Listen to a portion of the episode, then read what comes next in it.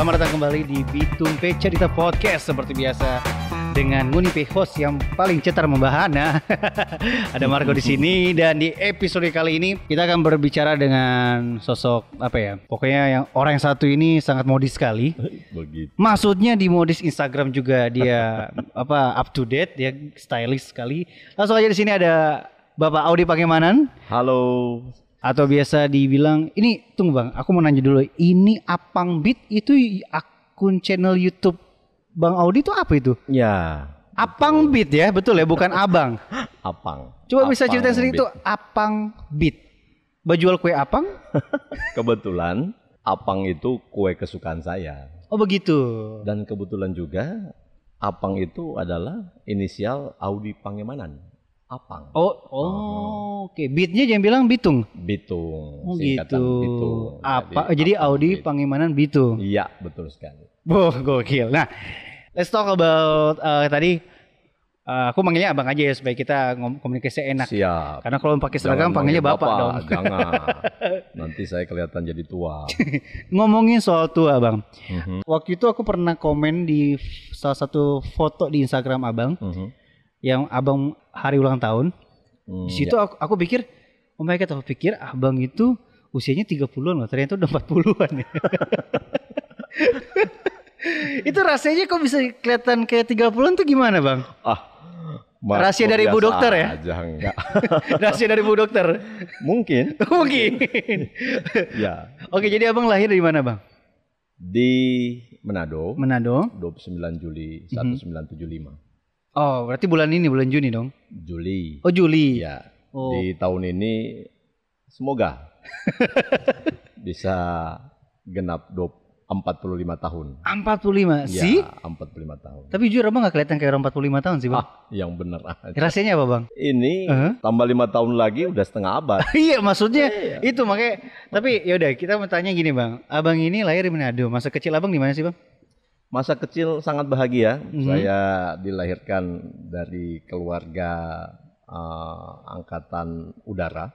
Oh, Papa saya angkatan udara. didikan Kemudian- militer dong ya, Mhm. Bang? Anak kolong. Buset. Ya, Berapa bersaudara, Bang? empat. Abang yang ke? Saya anak ketiga. Oh, oke anak ketiga. Anak ketiga. Tapi saya laki-laki satu-satunya. Wow. Jadi dipingit istilahnya. Apa namanya? Dipingit. Di, paling dimanja dong. Paling dimanja, paling dijaga. Nggak boleh larang ke sana kemari ke sana kemari. Pokoknya nggak boleh ke sana kemari. Di rumah aja. iya benar Mas. Jadi masa kecil habiskan di rumah. Iya demikian. Oh gitu bang. Iya. Jadi kalau pulang sekolah di rumah aja. Nggak bisa langsung main gitu? ma- nggak bisa langsung main. Keras banget bang. Iya. Jadi di rumah aja. Kayak sekarang ini di rumah aja. Kayak zaman pandemi ini di rumah iya aja. iya gitu. iya.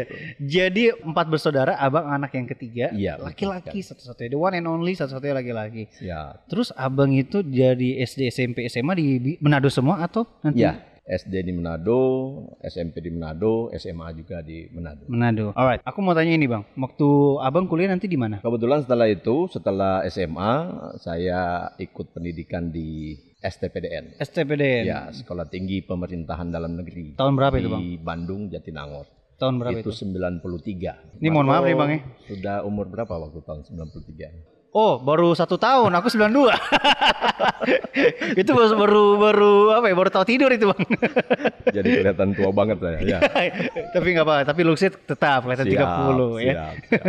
Cuma perutnya memang udah hampir sama kita bang. Betul. Sudah bergelombang kita. Iya kan. Iya. Oh, selama work from home ini saya mendapatkan hobi hobi baru bang. Apa? Makan. Oh begitu ya. Oke, bang tadi abang bilang sekolah di STPDN. Iya. Sekolah Tinggi Pemerintahan Dalam Negeri. Kalau sekarang sudah diganti jadi IPDN, Institut Pemerintahan Dalam Negeri. Ini sedikit menyinggung nih, tapi mohon maaf kalau tersinggung. Ya. Pada zaman dahulu ya, pada Mhm. saat abang masuk di IPDN itu, itu bener gak sih bang? Ospeknya mereka itu paham tapi maksud kita bercoba mencoba untuk pakai bahasa halus gini gini Iya. didikan Ya memang pendidikannya sangat keras. ospek ya Bukan cuma ospek. oh bukan cuma ospek Kan kita diasramakan selama empat tahun.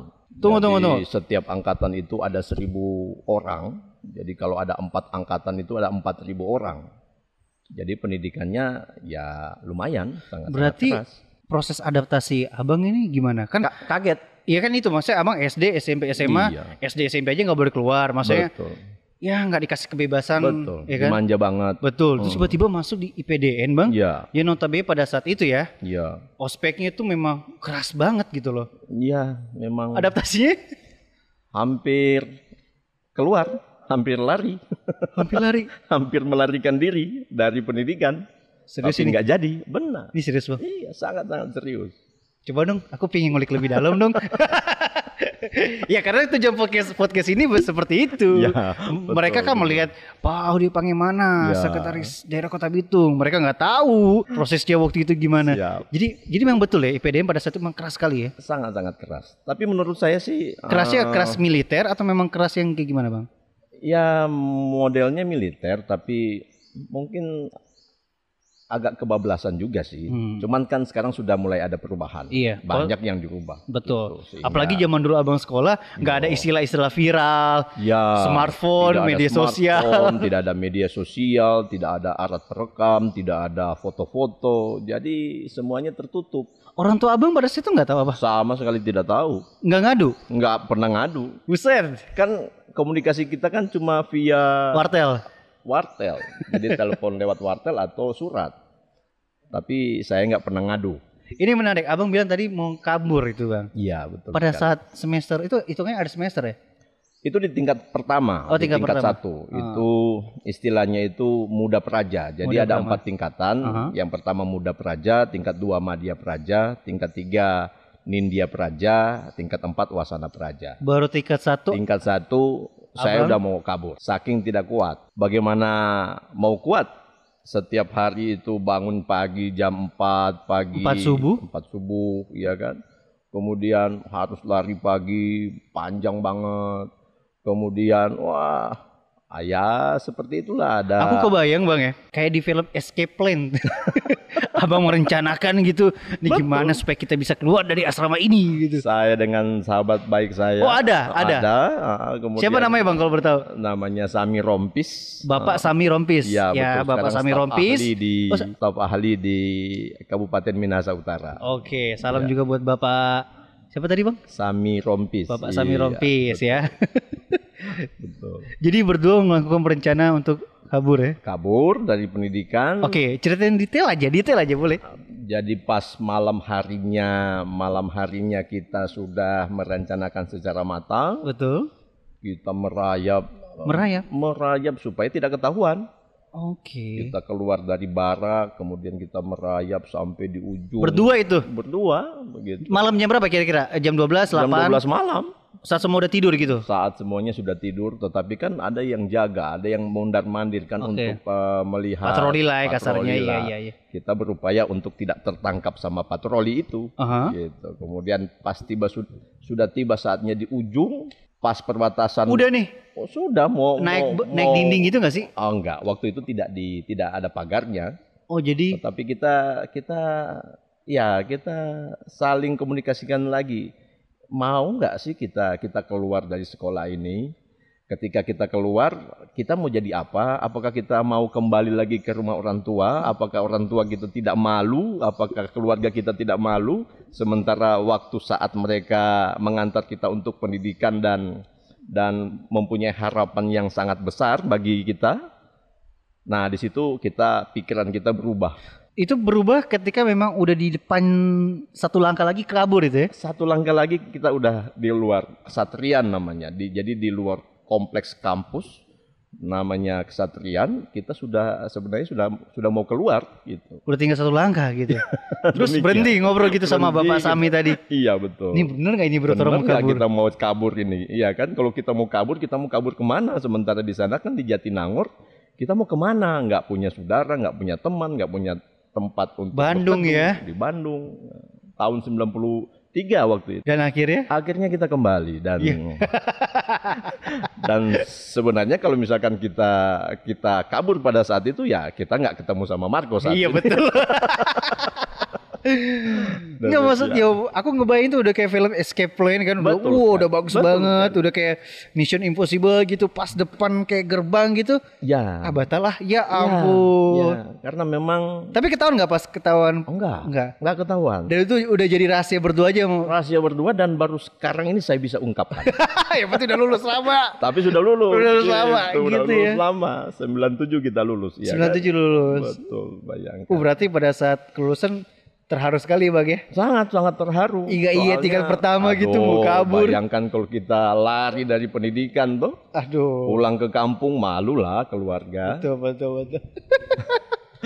Nah, aku mau nanya, abang itu ikut pendidikan IPDN itu pilihan orang tua atau kemauan dia sendiri? Waktu ya kemauan diri sendiri kan waktu itu eh, tanya oh ini sekolah apa? Oh ini Cita-cita abang waktu masih kecil apa sih bang? Kan kita, sebenarnya penerbang. oh bener bang. Iya. Oh, inspirasi dari papa. Betul, tapi eh, papa angkatan udara kan. Kemudian tapi bukan pilot. Oh gitu. Ah. kemudian saya cita-citanya penerbang, Pilot. pilot. Cuman ya itu, saya anak laki satu-satunya. Kemudian eh, katanya nggak boleh katanya. Saya juga heran waktu itu waktu mau mendaftar itu. Gak boleh. Nggak boleh katanya kalau anak laki satu-satunya. Aneh ya peraturan seperti itu. Aneh waktu itu. Ya, tapi ya sudahlah itu Oke. jalan hidup kan. Akhirnya IPDN. Kita masuk ke IPDN, STPDN waktu itu Iya, CPDN. namanya. Sekarang IPDN. Mm-mm. Nah, eh, ketika itu kan akhirnya muncullah berita ya sebelum ke era sosmed, Mhm. muncullah berita ternyata Iya, peloncoknya di betul. IPDN tuh gimana segala macam. Udah disiarkan di beberapa televisi begitu kan. Ya, hampir semua televisi waktu itu Betul. disiarkan Pas itu bagaimana heboh ya. kerasnya pendidikan di sana, ya kan? Orang tua pada saat itu gimana Wah reaksinya? kaget, kaget luar biasa. Dia tanya sama saya, bapak tanya sama saya, emang begitu pendidikan di sana? Iyalah, memang begitu. Kalau tahu begitu, saya jemput duluan. saya harus keluarkan dari pendidikan itu. Aduh. begitu. Tapi ya, Ya, so lulus deh, so Pak. lulus mau So bilang kelar, apa? mau bilang apa? Ah, ah, Nah. Ini ini masih panjang banget podcast ini. Aku mau nanya bang, di balik kerasnya pendidikan di IPDN pada saat itu bang ya, Iya. em, itu salah satu sekolah yang beda dong, beda dengan kayak universitas Ya, lainnya. betul. Ada nilai-nilai yang positif ya bang di IPDN itu apa sih? Ya, memang keras itu penting ya. Masih keras dalam arti apa nih? Keras disiplin, keras, keras memang dalam bentuk disiplin itu. tegas. Ya, tegas. Coba Marco bayangkan, setiap angkatan ada seribu orang, jadi ada empat ribu orang, semuanya lulusan SMA dari waktu itu 27 provinsi dengan latar belakang eh, agama, dengan latar belakang kebudayaan, dengan latar belakang sosial yang berbeda-beda. Bayangkan kalau tidak tegas dan tidak keras. Mau makan aja pasti berantem antara kita. Begitu bang? Pasti kalau tidak tegas. Maka dari itu di sana memang pendidikannya sangat-sangat tegas dan keras supaya aturannya bisa dilakukan secara disiplin. Hmm. Jadi kalau seandainya tidak tegas dan tidak keras, wah pasti berantem melulu di dalam. Karena sekali lagi 4.000 orang dari latar belakang yang berbeda-beda ditemukan di situ, tidurnya di situ selama empat tahun. Makannya di situ selama empat tahun. hiburan kalian apa? Ya, waktu itu belum ada televisi sih. Nanti pada Cuma olahraga, main bola. ya seperti itu. Cuma olahraga, Lari-lari, jogging. lari-lari, jogging. Boleh nggak pacaran sesama gitu? Sesama apa? Satu angkatan gitu kan ada cewek cowok kan? Aha. Boleh nggak pacaran gitu nggak boleh?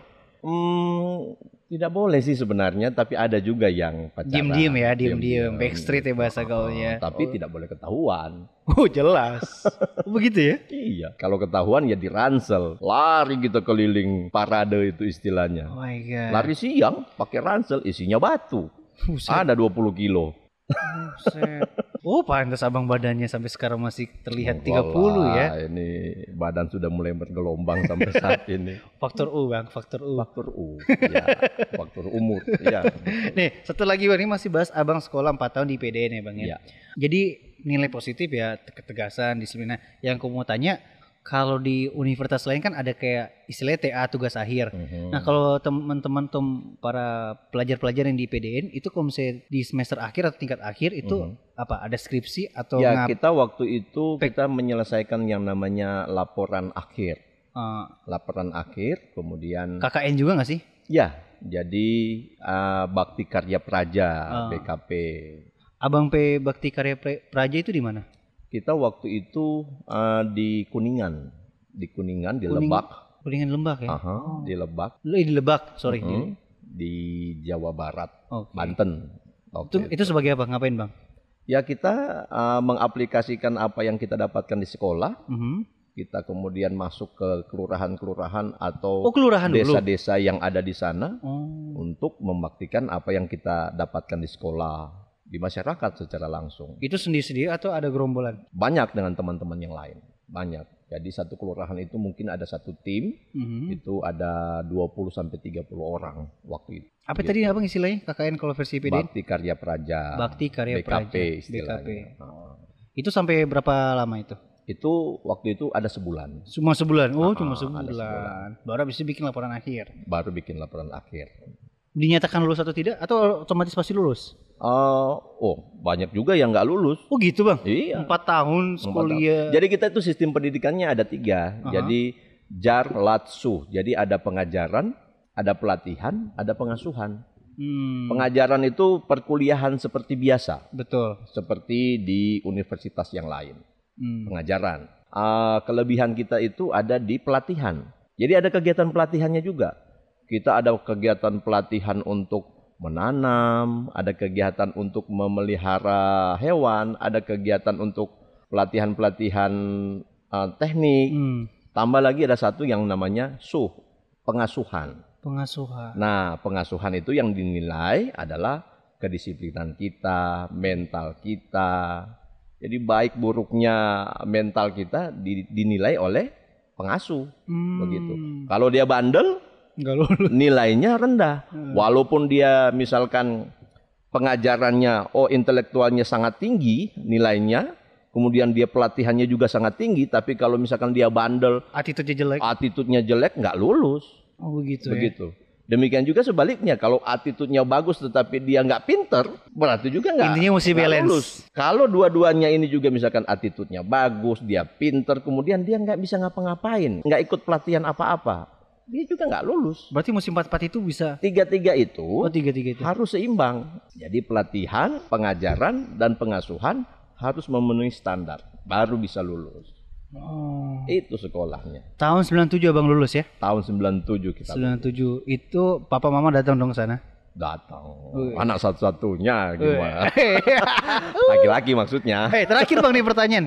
Pada saat itu seragamnya memang, memang tipis-tipis sih bang. Maksudnya Ketat. Ketat gitu. Ketat. Itu itu Uh-uh. legging atau apa itu bang ya? Maksudnya aku rasa buset nih orang. Memang itu ada ah, filosofinya atau ada aturannya? eh, supaya kelihatan lebih rapi aja sih sebenarnya, Oh. supaya lebih rapi. Tapi kita kan waktu itu kan masih Slim. masih muda-muda kan, Masih perutnya nggak ada kan, setiap saat push up, Aku pikir sit up, lari, jogging segala macam. Jadi badannya segitiga dong, nggak kayak sekarang segi empat. eh bukan segi empat oval bang. siap, siap, siap, siap. Oh begitu ya. Aku pikir Iya. seragam yang ketat-ketat itu menandakan kalau misalnya kan pasti ada liburnya berapa berapa hari tuh. Iya. Kalau misalnya udah ada pembengkakan lemak ketahuan di baju. Kupikir begitu. Ternyata bukan. Bukan. Bukan. Buat buat lebih apa namanya? Lebih rapi aja. Dan memang di sana itu semuanya gratis sih waktu itu. Jadi kita cuma Gratis dalam arti? ya kita cuma belajar, cuma berlatih dan mengikuti sebuah kegiatan. Mulai dari baju dikasih, Oh, pasang kan. Kemudian eh, uang saku dikasih, kemudian buku-bukunya juga dikasih, semuanya dikasih. Kalau sekarang masih nggak kayak gitu? Eh, mungkin masih, tapi saya saya kurang mengerti juga sekarang Nah, pendidikannya. Kalau sekarang, kalau misalnya anak-anak milenial, Mhm. apalagi kita rekam ini di bulan Juni, bulan Juni itu anak-anak SMA udah mulai lulus-lulusan, udah Ya, betul. untuk anak-anak kelas 3 ya. Betul. Terus mereka pingin masuk IPDN Mhm. untuk zaman now. Mhm. Tips dari abang apa? Ya, persiapkan mental dan fisik Anda. Bukan duit ya. Bukan duit, bukan duit. Karena memang sekali lagi ya sekolah ini kan empat tahun, jauh dari orang tua, kemudian beradaptasi dengan semua apa namanya teman-teman dari seluruh provinsi di Sulawesi di di Indonesia kan, otomatis kan harus beradaptasi dengan sebaik-baiknya. Mesti kuat mental berarti. Buat mental, mental dulu yang diperlukan. Kalau nggak kuat mental, ya bisa. Jangan coba-coba lah ya. Jangan coba-coba. Bisa-bisa stres. Betul. Sekali lagi harus seimbang antara uh, mental, fisik, kemudian intelektual dan juga Wawasan ya. wawasannya. Alright. So that's it cerita abang di IPDN ya bang ya. Siap. Itu abang suka bikin dear diary nggak sih? Waktu itu ada. Ada ya? Ada. Jadi setiap hari itu saya bikin diarinya mulai dari jam 8. Malam hari ini? jam- iya. Rencana kabur. Saya kena tempeleng, Waduh. dipanggil ke barat. Masih ada gak bukunya? Hilang. Ya ampun itu pada Padahal itu artefak bagus itu. sekali. Itu artefak. Artefak itu. Hilang. Aduh, saya menyesal setengah mati waktu itu. Alright, let's fast forward ya. Mhm. 97 lulus, langsung ke Manado, balik ke Manado, Ya, balik ke Sulawesi Utara. Sulawesi Utara. Itu dinas langsung kerja, otomatis langsung kerja dong kalau misalnya lulus dari sekolah gitu. Betul, betul. Setelah lulus 97 di PDN, langsung kerja di mana? Di dinas apa? Atau kelurahan? Kan kita kan balik semua datang ke provinsi. Oh, ke Ada provinsi dulu. ya, ada 25 orang. 25 orang, kemudian kita balik ke provinsi Sulawesi Utara. Kemudian saya disuruh pilih Abang pilih apa? Dan kebetulan cuma saya yang disuruh pilih. Yang lain kenapa? Yang lain enggak, saya Oh. nggak tahu kenapa. Eh, Pokoknya abang dipanggil untuk pilih. Ternyata dulu waktu ada kisahnya juga itu. Kenapa bang pilih? Ini mesti pilih apa sih? Pilih daerah nama tem- pilih tempat dinas? Pilih tempat dinasnya di mana gitu. Dulu sebenarnya saya nggak cukup umur masuk ke situ. Serius. Serius. Eh. Jadi umurnya masih muda. Masih muda. Untuk yang Belum lulus 17 tahun udah mau masuk ke ke IPDN itu seharusnya umurnya nggak nggak nggak cukup dan nggak boleh masuk. Emang idealnya pada saat itu umurnya berapa? 17 tahun tepat 17 tahun waktu itu seharusnya di bulan-bulan apa itu pendaftarannya. Jadi Supaya lulus pas memang fresh 20-an ya. Ah, 21 begitu. lah, Ah, ah. 22 iya iya. Jadi pas 17 saya belum umur 17 waktu itu. Cuma beda beberapa bulan. Ya ampun. Dan berkas saya setebal ini tuh dikembalikan di rumah. Dikembalikan. Nah, bapak saya ngotot. Berkasnya dibawa lagi ke ke kantor waktu itu. Provinsi Sulut ya. Ah, ah. Terus sama orang yang menerima, oke kalau begitu kita kita tes dulu sekarang. Bisa nggak bapak eh, anak ini bisa mengerjakan soal-soalnya? Soal-soal apa nih bang? Jadi soal-soal yang zaman dulu ada yang beberapa tahun yang lalu disuruh kerjakan. Abang kerjain tuh. Ya, Itu manual ya bang? Masih sila Manual. X. Masih X, Bukan F kali, bukan dibulatin, masih kali-kali. Cuman saya punya kebiasaan yang unik kalau mengerjakan soal. Apa tuh bang? Saya biasanya mengerjakan soal itu kalau misalkan dia 100 nomor, saya kerjakan dari nomor 100. Bukan dari nomor satu. Bukan dari nomor satu. Nah, saya buka dulu nomor 100, saya kerjakan 100, 99, 98. Itu orang yang menyuruh saya untuk mengerjakan itu, 5 menit dia masuk, loh kok ini anak udah kerjakan nomor 100? oh dia nggak tahu triknya ya. Padahal itu kebiasaan saya. Oh gitu. Begitu. Ya udah, udah, udah, udah. Ya Udah, ampun, udah. padahal padahal baru jawab nomor 100 sama 99 itu ya. Nomor satu belum. Oh, Serius ini. gitu. Gitu. Dan Nah. akhirnya disuruh pilih. Ah, ah, tapi akhirnya saya serius, saya mengikuti pendidikan dan kebetulan bisa menjadi yang terbaik begitu. Dan abang disuruh pilih. Dan ketika itu, ketika menjadi yang terbaik, saya disuruh pilih. Kamu mau ditempatkan kabupaten kota yang mana? Pilihannya apa aja waktu itu? Pada Nah, waktu itu ya. Pilih Bitung karena saya memang jatuh cinta sama kota Bitung. Apa yang membuat abang jatuh cinta sama Bitung? Ya Especially iyalah. abang lahir di Manado, Iya. masa kecil habiskan di Manado. Ya. Yang pertama karena saya melihat kotanya kota pelabuhan sehingga Itu tahun 9 97. Iya. Mm-mm. Maksudnya nggak ada belum ada ini dong. Iya, Belum, ada, ini belum kita ada. tempat kita rekaman di belum apa ada. Cuman saya sudah memprediksi bahwa ketika Bitung sebagai kota pelabuhan, saya berpikir pasti ke depan Bitung akan menjadi kota yang sangat maju, yang sangat berpengaruh bagi kota-kota di tempat yang Itu lain. pemikiran dari diri sendiri atau dari diri eh, sendiri nggak ada. dari orang-orang lain, teman-teman reuni apa segala macam, papa mama Nggak ada. Saya memang sudah terlanjur cinta sama kota ini. pilih Bitung. Pilih Bitung. Lah dinas di pertama Waktu itu di badan bagian kepegawaian.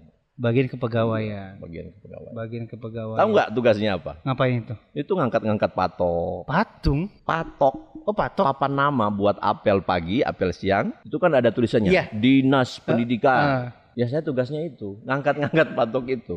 begitu. Kemudian jam tepat jam satu siang, tugas saya itu bunyiin lonceng. Eh buset. Lonceng itu masih pakai Yang gede banget ya? bu, pa- pakai peluru. Yang peluru. Tung. Wah, itu jadi tung. tang tang tang tang tang tang Teng, tang teng. itu tanda sudah selesai bekerja. Jam satu siang. Udah kayak di pabrik-pabrik ya. pabrik ikan gitu, sari cakalang. Waktu itu. Jadi tugas saya itu. Tapi karena tugas saya itu yang pertama, saya harus datang pagi untuk bunyiin lonceng. ya ampun. Saya harus juga pul- datang awal untuk membunyikan lonceng untuk pulang. Ngambil absensi. Itu tugas saya. Berapa lama tuh bang? Oh lama. Hah? Lumayan. Ada setahun itu. Setahun hanya kerjaan kayak gitu. Kerjaannya kayak gitu. Ya adalah yang lain disuruh sana, suruh sini. Iya iya. ya Tapi kan? pokoknya itu. Eh, apa na, ngambil absensi, presensi bagi pegawai-pegawai yang masuk, ya kan? Saya kan ngambil presensi. Oh, misalkan oh Marco hadir. Hadir Marco. Zaman dulu manual ya, Bang, ya? Manual, Nggak ada pakai ya? fingerprint begini, nggak ada. Nggak ada. Ada yang suka, Manual. ada yang suka ini nggak bang? Eh tuh abang panggilannya dulu apa? Panggilan waktu masa kecil. Nama saya panjang Marco. Apa bang? Nama saya Audi Ronald Richard Pangemanan. Banyak R-nya. Sementara saya nggak bisa ngomong R. Ini fakta unik banget. Serius. Tapi sebut nama aku Marco bagus bang. Marco, ya kan? Ya cadel lah, Oh, tapi ya gitu. kalau nggak cadel bukan Audi namanya kan, gitu. Nggak Itu apa-apa Audi ya, iya. bukan Audrey. Heeh. Aduh, sibuk itu. Dan nama Audi itu kan kalau di Jawa sana, di Pulau Jawa itu kan nama buat cewek. Betul. Betul. Penyanyi Audi dong. Iya, kalau di Jawa sana nama cewek itu Audi. Terus abang dipanggilnya pada saat abang dinas pertama itu dipanggil apa? Audi, Oh. Audi. Tapi kalau nama kecil sebenarnya Icat, nama Icat. Ican. Nah dulunya itu sering kan suka ada bahasa yang dibolak-balik itu. Betul. Jadi kalau Icat itu manggilnya Taci. Taci. Kayak nama Jepang nih. Eh, itu loh Taci, makanya. taci. taci, taci. Kacau. Oke, berarti pada saat itu abang setahun emangnya cuma ngurusin absensi. Absensi aja. Ada ya teman abang nggak di titip absen? Banyak, Oh banyak ya, aku pikir gak ada. Ya ampun. banyak, Aku pikir cuma di ku- kuliahan doang bang. banyak. Eh, titip absen kok kita. Heeh, Kan manual tuh. banyak. Ya udah kalau itu ya kita terima aja kalau misalkan ada yang cantik-cantik juga ya udah Itu kita. abang nggak waktu pas abang di dinas itu yang bagian kepegawaian, Mhm. eh, wali kotanya siapa? Waktu itu Hmm. Pak Sarundayang Oh Pak Sarundaya. Iya. sekarang kan jadi duta besar Oh. di Filipina. Nah setahun abang ngurusin itu papan-papan nama. Ah, ah, Papa nama, Hmm. absensi, kemudian itu setiap hari Senin upacara bendera kita jadi penggerek bendera Setahun ya bang? setahun itu. Abis lah itu bang, pindah lagi. Nah, baru dipercayakan jadi sekretaris camat di sini. Camat di mana? Di sini di pulau ini, Pulau Lembe. di Pulau Lembe. Oh iya, aku inget Ah, abang pernah posting foto. Ah, ah. Sekretaris camat Sekretaris camat di Pulau Lembe. Pulau Lembe. Berapa lama itu bang? Itu ada dua dua tahun. Dua tahun. Bolak balik Lembe dong, Lembe Bitung, Lembe Bolak Bitung. balik. Waktu itu Marco di sini belum ada jalannya, Belum ada kapal feri. belum ada kapal feri. Satu-satunya alat transportasi adalah lewat laut pakai perahu. Katinting kan begitu. Bayangkan, kita kalau misalkan dari Papusungan itu mau ke Pancuran, kita jalan kaki. Itu hampir 8 jam itu kita. itu mesti pakai sepatu pantofel lagi. ya ampun. Lah. Kita jalan, tapi saya menikmati. Saya menikmati. Waktu itu Kecamatan Bitung Selatan namanya. Ini masih menyatu. Hmm. Kalau sekarang kan sudah ada dua kecamatan. Kecamatan Lembe Utara dan juga Kecamatan Lembe Selatan. Kalau dulu masih satu. Kecamatan Bitung Selatan namanya. Oh gitu. Jadi Ceritain dong bang sedikit. Somanasa di Iya. Pulau Lembe Nah, ini. abang kan Somanasa di Pulau Lembe. Ceritain Ah. sedikit dong di Lembe ini ada nggak misteri-misteri yang sampai sekarang tuh masih tersembunyi? Dulu Apa bang? itu namanya kopi tiba berangkat. Kopi, Tiba berangkat. kopi tiba berangkat. Maksudnya bagaimana itu? Jadi pas tiba disugin kopi langsung berangkat. Nggak diminum, nggak diminum dong.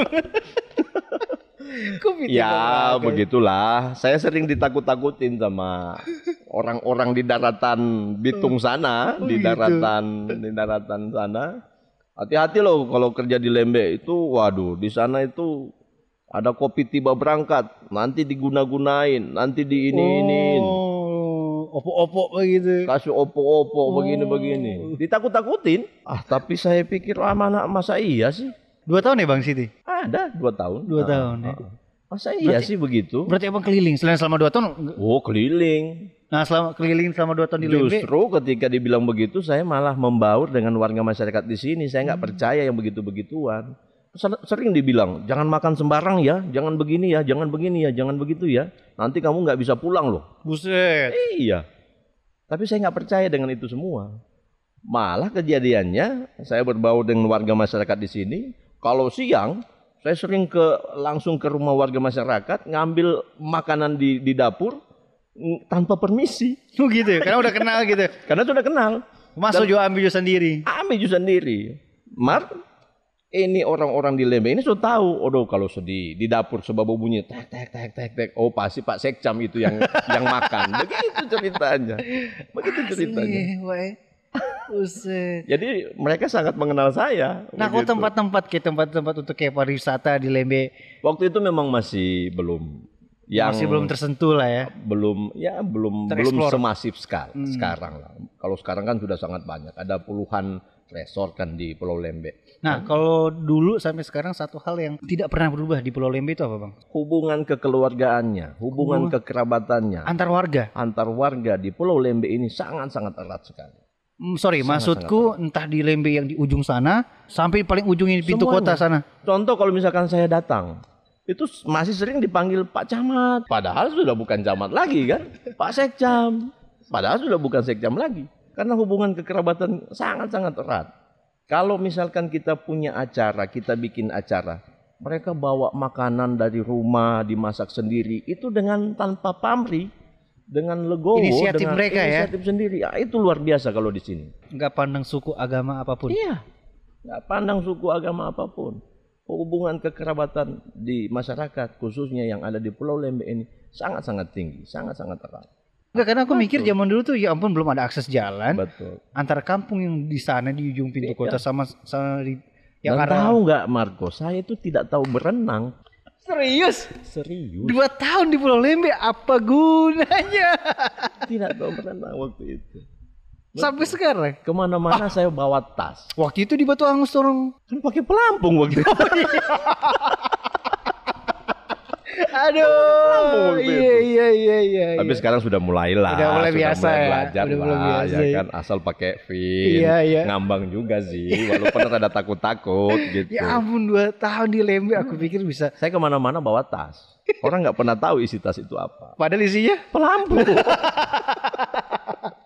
ya ampun Pelampung itu isinya. banyak cerita ternyata dua tahun di Lembe bang ya Iya, betul. jadi dari Sekcam terus akhirnya jadi Ah, dari Sekcam saya pergi pendidikan. oh pergi pendidikan. Iya, pendidikan apa lagi bang Institut Ilmu Pemerintahan. Saya ngambil kesarjanaan saya di situ. itu di Jadi, UI Waktu di waktu di IPDN gelarnya AP, oke ya kan? Ahli pemerintahan. Hmm. Nah, saya ngambil gelar doktorandus di Institut Ilmu Pemerintahan satu tahun setengah di mana itu bang di Jakarta. Hmm, oh bukan UI ya kayak Pak Wali itu Kota kan di UI. gelar doktorandus terakhir. Oh, habis. Sekarang kan udah nggak ada lagi. Betul, betul, betul. Dan kalau misalkan pakai gelar doktorandus itu kelihatan udah tua banget ya Iya betul. dibanding dengan esos Ah, dan lain ah, segala iya, macam iya. kan. Karena itu memang gelar terakhir waktu itu yang ada gelar Itu cuma abang sendiri kah yang pendidikan atau ada yang lain? ada. Kan eh, beberapa teman juga yang yang yang ke sini sam- sama-sama kita. Waktu itu teman saya yang ke sini tuh Laode Ahmad, Bapak Laude Ahmad. Laude Ahmad. Sekretaris provinsi Sulawesi Tenggara. wis. Oh iya Laude iya. Ah, ah. Iya Laude, Fam Laude. Satu tahun setengah bang di Jakarta. Ah. Jadi Alright. ikut pendidikan lagi di Institut Pemerintahan Dalam Negeri. Ya, apa Tahun berapa itu bang ya? Tahun berarti Itu tahun 2000-an. 2000-an. Ah, ah. Balik Tahun lagi ke sini 2000-an. berarti tahun 2001 2002. 2001 sudah kembali lagi ke sini. Balik lagi jadi Ya kalau di sini waktu itu kalau mm, jadi kasubag persidangan dan risalah, Wih ribet banget ya namanya. Bentar coba coba Kasubag. kepala sub bagian Aha. persidangan Aha. dan risalah di sekretariat DPRD Kota Bitung. Wow, ribet ya namanya. Iya, kasubag. Jadi kalau Kerjanya misalkan ngapain bang? Di situ kalau ada rapat-rapat, Abang ingin nulis nutulen? ya bukan, saya harus mengkonsep risalah rapat itu. Oke. yang akan dibacakan oleh ketua DPRD. Jadi skenario-nya itu saya yang susun. Bahasa kerennya sekarang script writer. Betul. Baru kalau abang bilang script Bisa, writer, anak-anak milenial. Oh iya Bisa. script writer. Betul. Kalau tadi abang pakai bisa kasubag, aduh ribet. Kepala subbagian Uh-huh. risalah dan persidangan. Dan disingkat jadi ribet kan? Nah, tapi sekarang sudah di- dipisahkan. Jadi Oke. ada kasubag bidang risalah, ada kasubag bidang persidangan. Alright. Begitu. Itu tahun berapa bang? Tahun berapa ya? 2000 2002 ya, 2002 2003. uh-uh. Berapa lama deh bang? 2002. Tidak terlalu lama sih. Oh gitu. Tidak terlalu lama. uh-uh. Di, di sebelum sebelum sampai setahun. Eh, nggak nyampe setahun waktu itu. Nggak nyampe setahun. Terus saya sekolah lagi. Oh my god, demen banget sekolah nih orangnya. Saya kebetulan orang yang maksudnya saya punya strategi dalam dalam berkarier di birokrasi. Oh. Jadi saya saya mempunyai anggapan bahwa kita harus punya SIM dulu sebelum kita bisa ngantar mobil secara aman. Jadi harus punya SIM. Kalau kita bisa ngantar mobil kemudian tidak punya SIM, kita akan bawa mobil itu takut-takut karena suatu saat bisa di Ada sweeping. ada sweeping, ada kejadian apa. Jadi saya menganggap bahwa SIM yang harus saya punya itu adalah uh, pangkat, SIM yang harus saya punya adalah pendidikan, SIM yang harus saya punya adalah uh, diklat-diklat. Jadi saya harus penuhi, penuhi semua itu, Terlepas pengalaman ya bang. terlepas dari pengalaman. Jadi ketika saya menduduki jabatan, setelah menduduki jabatan, saya harus berpikir saya harus naik pangkat. Ketika naik pangkat, saya harus Belajar tambah lagi, lagi, belajar uh, lagi untuk, ilmu uh, lagi. ikut uh, pelatihan. Iya, ada ilmu lagi yang Ada ilmu lagi. dipelajari. Nah, ketika saya ikut pelatihan selesai, saya harus belajar lagi sekolah lagi supaya bisa lebih tinggi lagi, lebih naik lagi. Begitu. Belajar dan belajar dan belajar. Ah, ah. Dan ketika saya pulang otomatis saya diberikan posisi yang mungkin bisa lebih gede lagi kan. Oh iya betul betul. Jadi semua SIM harus kita penuhi. Baik kepangkatan, diklat maupun pengalaman jabatan itu harus kita penuhi. Supaya ketika kita disuruh bawa mobil truk, nih kita sudah punya SIM B2. Mau bawa mobil mikro, nih kita sudah punya mobil umum, eh, SIM umum. Oke, aku paham. Berarti abang pada saat pendidikan, abang kerjaan abang gimana? Cuti, ambil cuti atau Itu memang? tugas belajar, Marco. Oh boleh dari pemerintahan. Boleh. Oh. Tugas belajar itu kita hanya tugasnya belajar. Dibiayai oleh pemerintahan. Proses screeningnya ada kan? Ada dong, dites dong. Diseleksi? Kalau nggak, diseleksi, nggak dites, bisa semuanya ikut. Bisa salah ini kan, salah Oh, orang. Tapi kalau ini kan ada lewat tes. Ketika tes itu kita bisa lewati, lulus, ya sudah kita belajar dan dibiayai oleh oleh negara waktu itu. Dalam hal ini adalah pemerintah Kota Bitung. Jadi saya sekolah sampai S eh, jadi dari Berarti abang memang master ilmu pemerintahan sekali ya? enggak lah. iya dong. Bukan begitu, cuman apa namanya? Ya saya per- perspektif saya orang. merasa sangat berhutang kepada eh, pemerintah Kota Bitung, kepada Kota Bitung karena saya disekolahkan dibayar oleh pemerintah Kota Bitung. hidup dari uang pemerintah.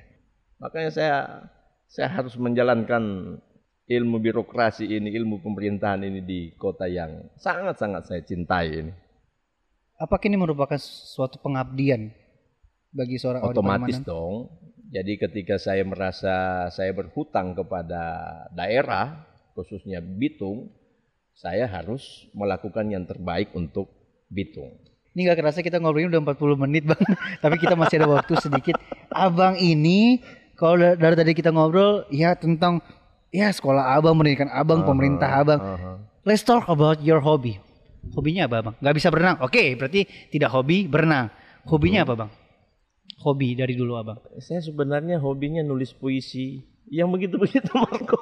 Nulis puisi nulis puisi. Oh iya script writer sih Script writer ya Tapi ada satu hobi sebenarnya catur, itu hobi saya. Membaca buku itu hobi saya.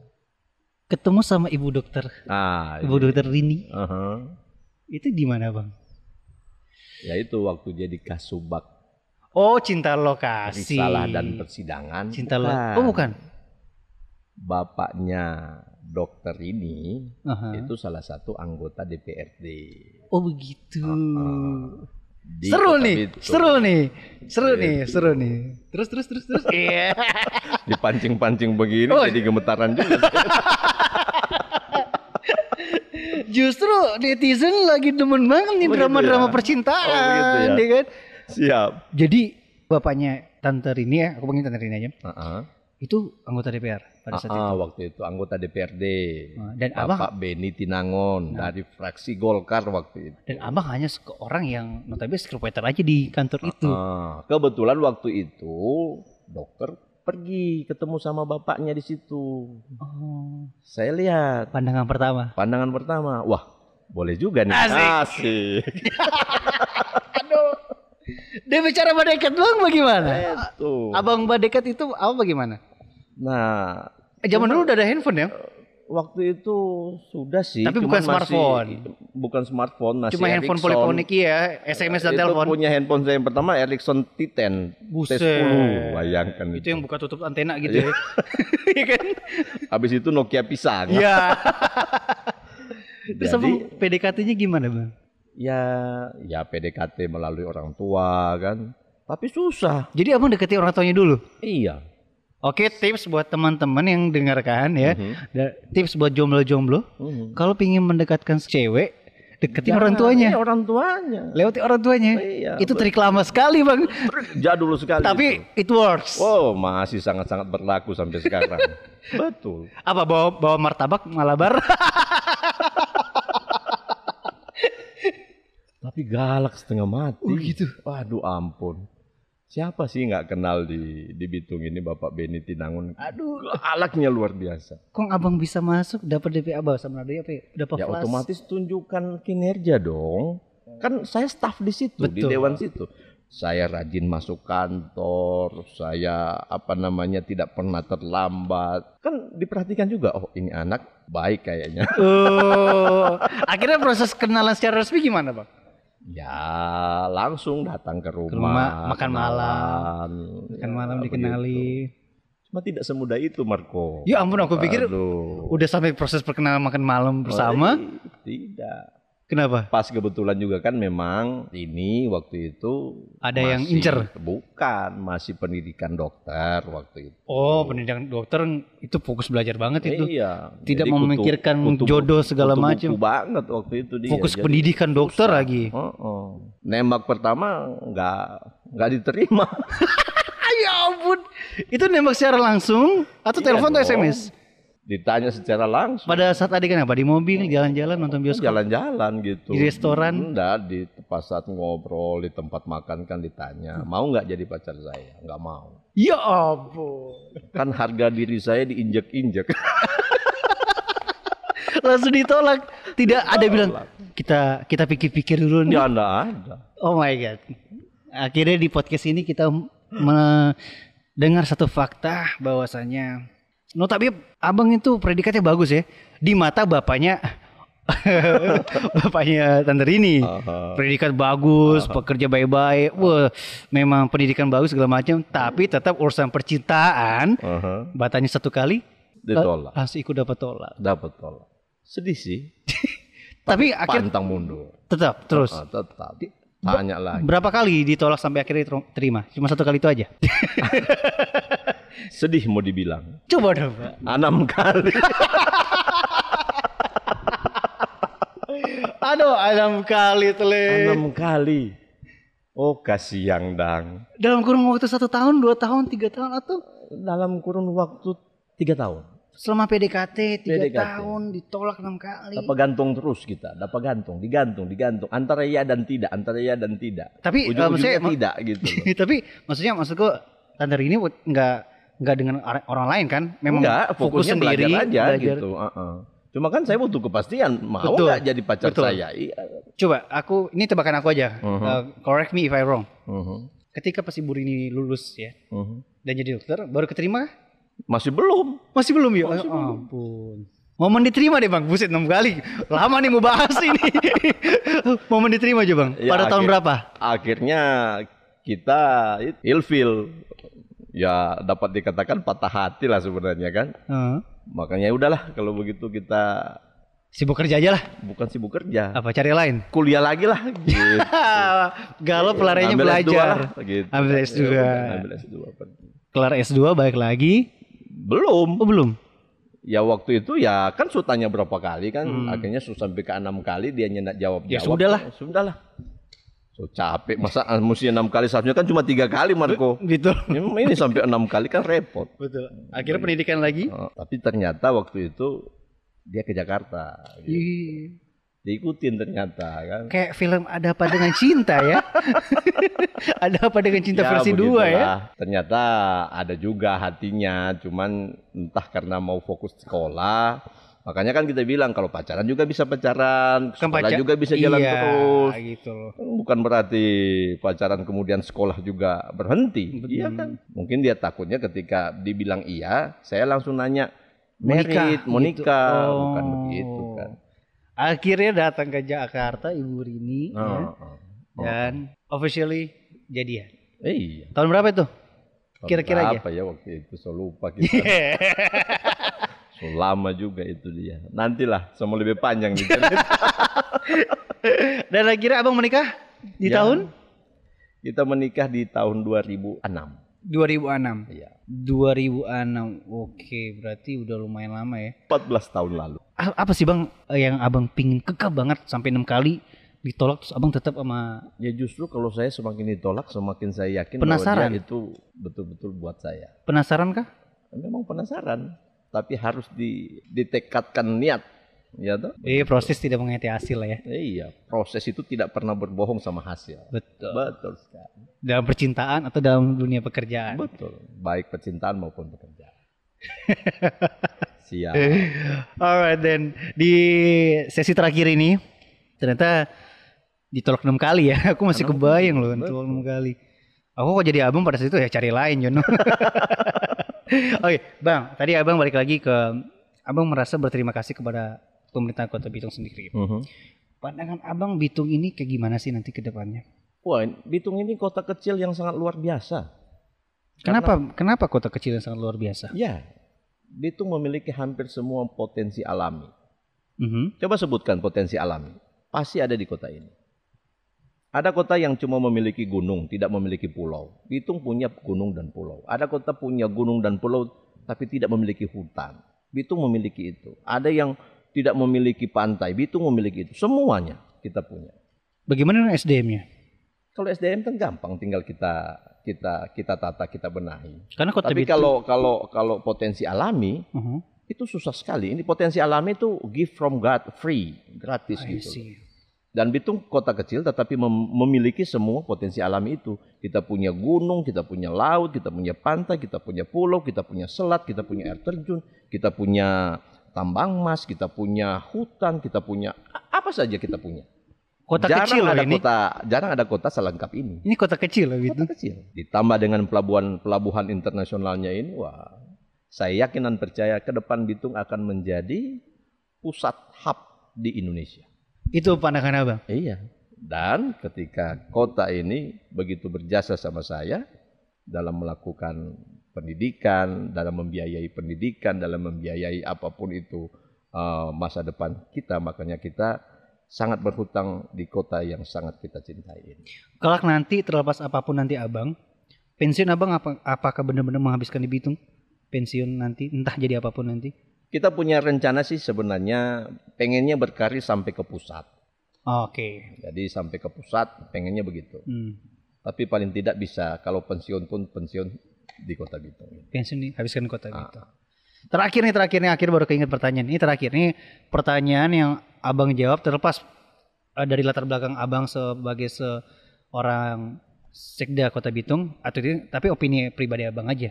Mhm. Katanya ke depannya Lembe itu akan, apakah akan ada jembatan? Iya dong, itu malah presiden sendiri yang sudah datang ke sini dan bilang kalau kita bikin jembatan dari sini ke sini ke Pulau Le- Le- Pulau Lembek bisa nggak? Presiden sendiri yang datang. Berawal dari Lalu. situ ya. Iya. Dan pada saat itu kota Dulu Bitung memang sudah di rencanakan. direncanakan. Detail engineering desainnya sudah ada. Udah ada, blueprintnya sudah udah ada. ada. Sudah ada. Dan tambah yakin lagi kita ketika presiden datang sendiri kemudian bertanya seperti itu. bertanya seperti itu. Sebenarnya sudah mulai dimulai tahun ini, tapi karena memang kita kena semua namanya pandemi Hmm. COVID-19 ini kan, ya mungkin uh, terulur lagi di waktunya. Kalau soal bandaranya gimana bang? sama itu satu kesatuan. Satu paket tuh jembatan paket, Lembe sama bendara di Ngapain ada jembatan kalau nggak ada bandara logistik di sini? Lembe. I Gitu. see. Wah maju banget Jadi, nanti Bitung nih. uh, Iya, bandara iya, iya, logistik, jembatan, kawasan ekonomi khusus, jalan tol, pelabuhan internasional itu satu paket. Sebetulnya kita ke Bitung ini. Siap. Siap. So terima kasih sekali ya Iya. bang ya. Mohon maaf ya kalau tadi ada yang tersinggung ya. Siap. Tanya yang tersinggung nanti. Sekali lagi terima kasih buat yang udah mendengarkan. Eh by the way ini informasi buat kalian aja disclaimer juga. Kita ini ngobrol tidak ada skrip ya bang ya. Jadi Ya, nggak ada. memang eh, ngalir flow aja. Cuma bermodalkan baku janji. Maju Betul. podcast mari Jo. Ya Masih banyak sih rahasia yang bisa kita ungkapkan tapi nantilah. Nanti Jo. Yang jelas teman-teman terima kasih udah mendengarkan. Sekali lagi kalau misalnya kalian ingin kenal lebih dekat oleh Abang Audi langsung aja di Instagram memang ya. Karena anak milenial kan siap. lebih enak di Instagram. Ya. The one and only Instagramnya Audi Pangemanan ya. At Audi Pangemanan. Mhm. Kalau fanpage Audi Pangemanan juga. YouTube channel YouTube channel Apang Beat. Apang B. Subscribe ya, jangan lupa. Terus terima kasih dan akhir kata tapi nama Marco. Audi Pangemanan Kita jumpa lagi di next episode. Bye bye. tetap semangat.